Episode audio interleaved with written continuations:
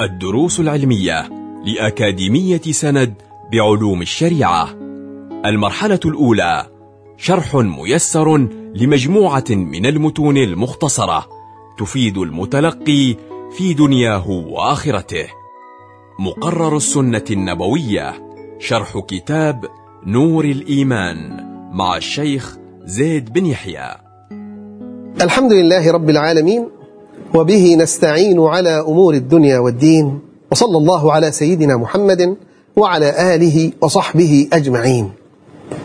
إن الصلاة هي عماد الدين ولذلك جاءت الآيات الكريمة وجاءت السنة النبوية بالكثير من الآيات والأحاديث التي تدعو إلى تفهم هذه العبادة حتى يؤديها المرء على الوجه الذي يرضي الله ورسوله. ونحن في ظلال أنوار نور الإيمان نجد حديثا لسيدنا أبي هريرة رضي الله عنه عن هذه الصلاة وعن أركانها وعن الأمور التي لا تستقيم صلاة المرء إلا بالإتيان بها. فعن أبي هريرة رضي الله عنه قال قال رسول الله صلى الله عليه وآله وسلم إذا قمت إلى الصلاة فكبر ثم اقرأ ما تيسر معك من القرآن ثم اركع حتى تطمئن راكعا ثم ارفع حتى تعتدل قائما ثم اسجد حتى تطمئن ساجدا ثم افعل ذلك في صلاتك كلها. رواه البخاري ومسلم. إذا هذا توجيه وهذا نص نبوي للحالة التي ينبغي أن يكون عليها الإنسان والأعمال الواجبة في عبادة الصلاة التي هي ركن من أركان دين الله. وفي قول النبي إذا قمت إلى الصلاة أي إذا أردت القيام إلى الصلاة إذا أردت أداء الصلاة فكبر أي قل الله أكبر النبي صلوات ربي وسلامه عليه يقول في هذا الحديث إذا قمت إلى الصلاة أي إذا أردت أن تصلي الصلاة أو أن تؤدي صلاة لله عز وجل سواء أردت أن تصلي فرضا أو أن تصلي نافلة.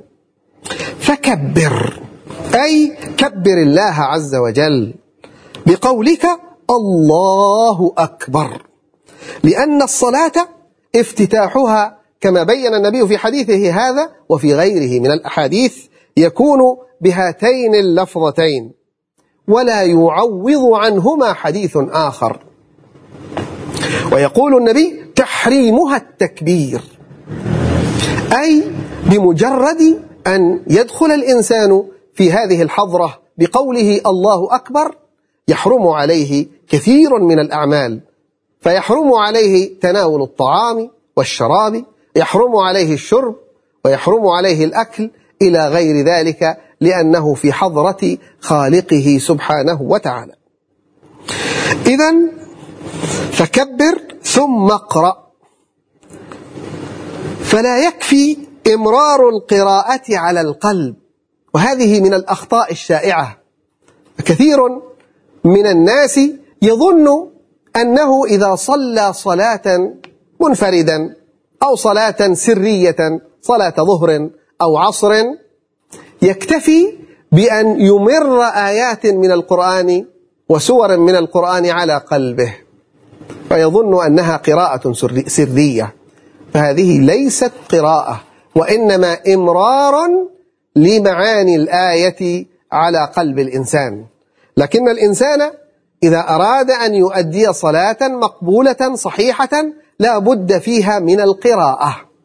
وإذا قلنا القراءة فإن كانت بسر فيكفي أن يسمع الإنسان نفسه فيحرك شفتيه ويسمع نفسه. هذه هي القراءة. أما إن كانت شفتيه منطبقتين ولا تتحرك لسانه ولا شفتيه فهي ليست بقراءة وإنما إمرار لمعاني القرآن على قلبه. فلا يكفي إمرار القراءة على القلب. بل يجب التلفظ بحيث يسمع نفسه. فاقرأ ثم اقرأ ما تيسر معك من القرآن. ظاهره أن يقرأ ولو يسيرا من الآيات. لكن المقصود كما بينته أحاديث أخرى قراءة فاتحة الكتاب. ففي صحيح مسلم لا صلاة لمن لم يقرأ بفاتحة الكتاب. فهذا الحديث بين أن مراد النبي صلى الله عليه وسلم بقوله ما تيسر معك من القرآن أن يكون ذلك فاتحة الكتاب وما يضيف إليه من آيات مستحسن قراءتها بعد ذلك ومستحب. وفي رواية بأم القرآن لا صلاة لمن لم يقرأ بأم القرآن. وإذا عجز عن حفظ الفاتحة كأن يكون قريب عهد بإسلام أو عنده علة في فمه تمنعه من حفظ القرآن فيأتي بقدرها من القرآن إن كان يحفظ آيات أخرى من القرآن. فإن عجز عن غيرها من القرآن فليقرأ بقدرها من الذكر. لحديث رافع بن خديج ثم اقرأ إن كان معك قرآن فإن لم يكن فاحمد الله وكبر وهلل. وحملت رواية ما تيسر معك من القرآن أي ما بعد قراءتك لفاتحة الكتاب التي هي واجبة. يؤيد هذا الحمل ما ورد في سنن أبي داود بسند قوي. أمرنا رسول الله صلى الله عليه وآله وسلم أن نقرأ بفاتحة الكتاب وما تيسر. ثم قال النبي في هذا الحديث ثم اركع حتى تطمئن راكعا. فالركوع من أركان الصلاة فيجب على المصلي أن ينحني بحيث تنال راحة يديه ركبتيه. والطمأنينة واجبة فيه. والطمأنينة المقصود بها سكون بعد حركة بحيث يستقر كل عضو محله بقدر ما يسع قول سبحان الله.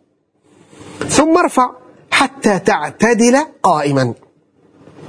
فبعد الركوع الاعتدال وكذلك الاعتدال شأنه شأن الركوع فيجب أن يطمئن في اعتداله بقدر قوله سبحان الله ثم اسجد حتى تطمئن ساجدا.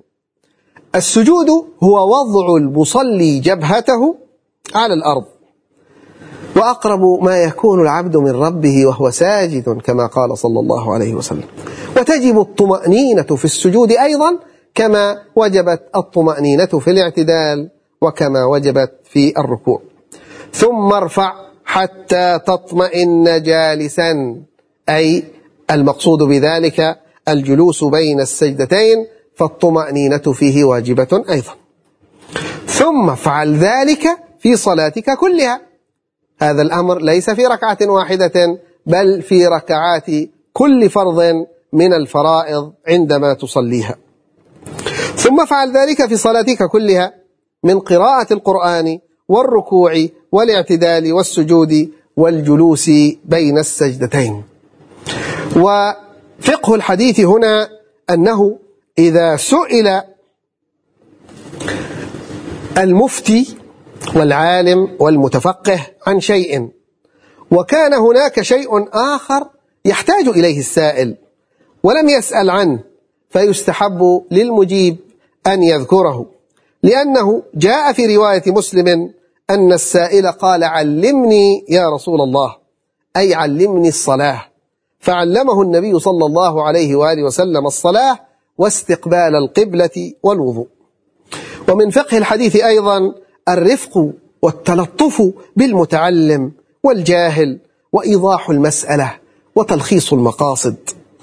ومن فقهه أيضا أن من أخل ببعض هذه الواجبات المذكورة في الحديث لا تصح صلاته ولا يعد مصليا. والحديث نبه على أهم أركان الصلاة وإن كان في الصلاة أعمال كثر منها واجبات أركان ومنها سنن ونوافل. ففي الصلاة التعوذ من السنن ومن السنن أيضا دعاء الافتتاح ورفع اليدين في تكبيرة الإحرام ووضع اليد اليمنى على اليد اليسرى الذي يسميه الفقهاء بالضم. وتكبيرات الانتقالات. ويحدث خطأ شائع في تكبيرات الانتقالات.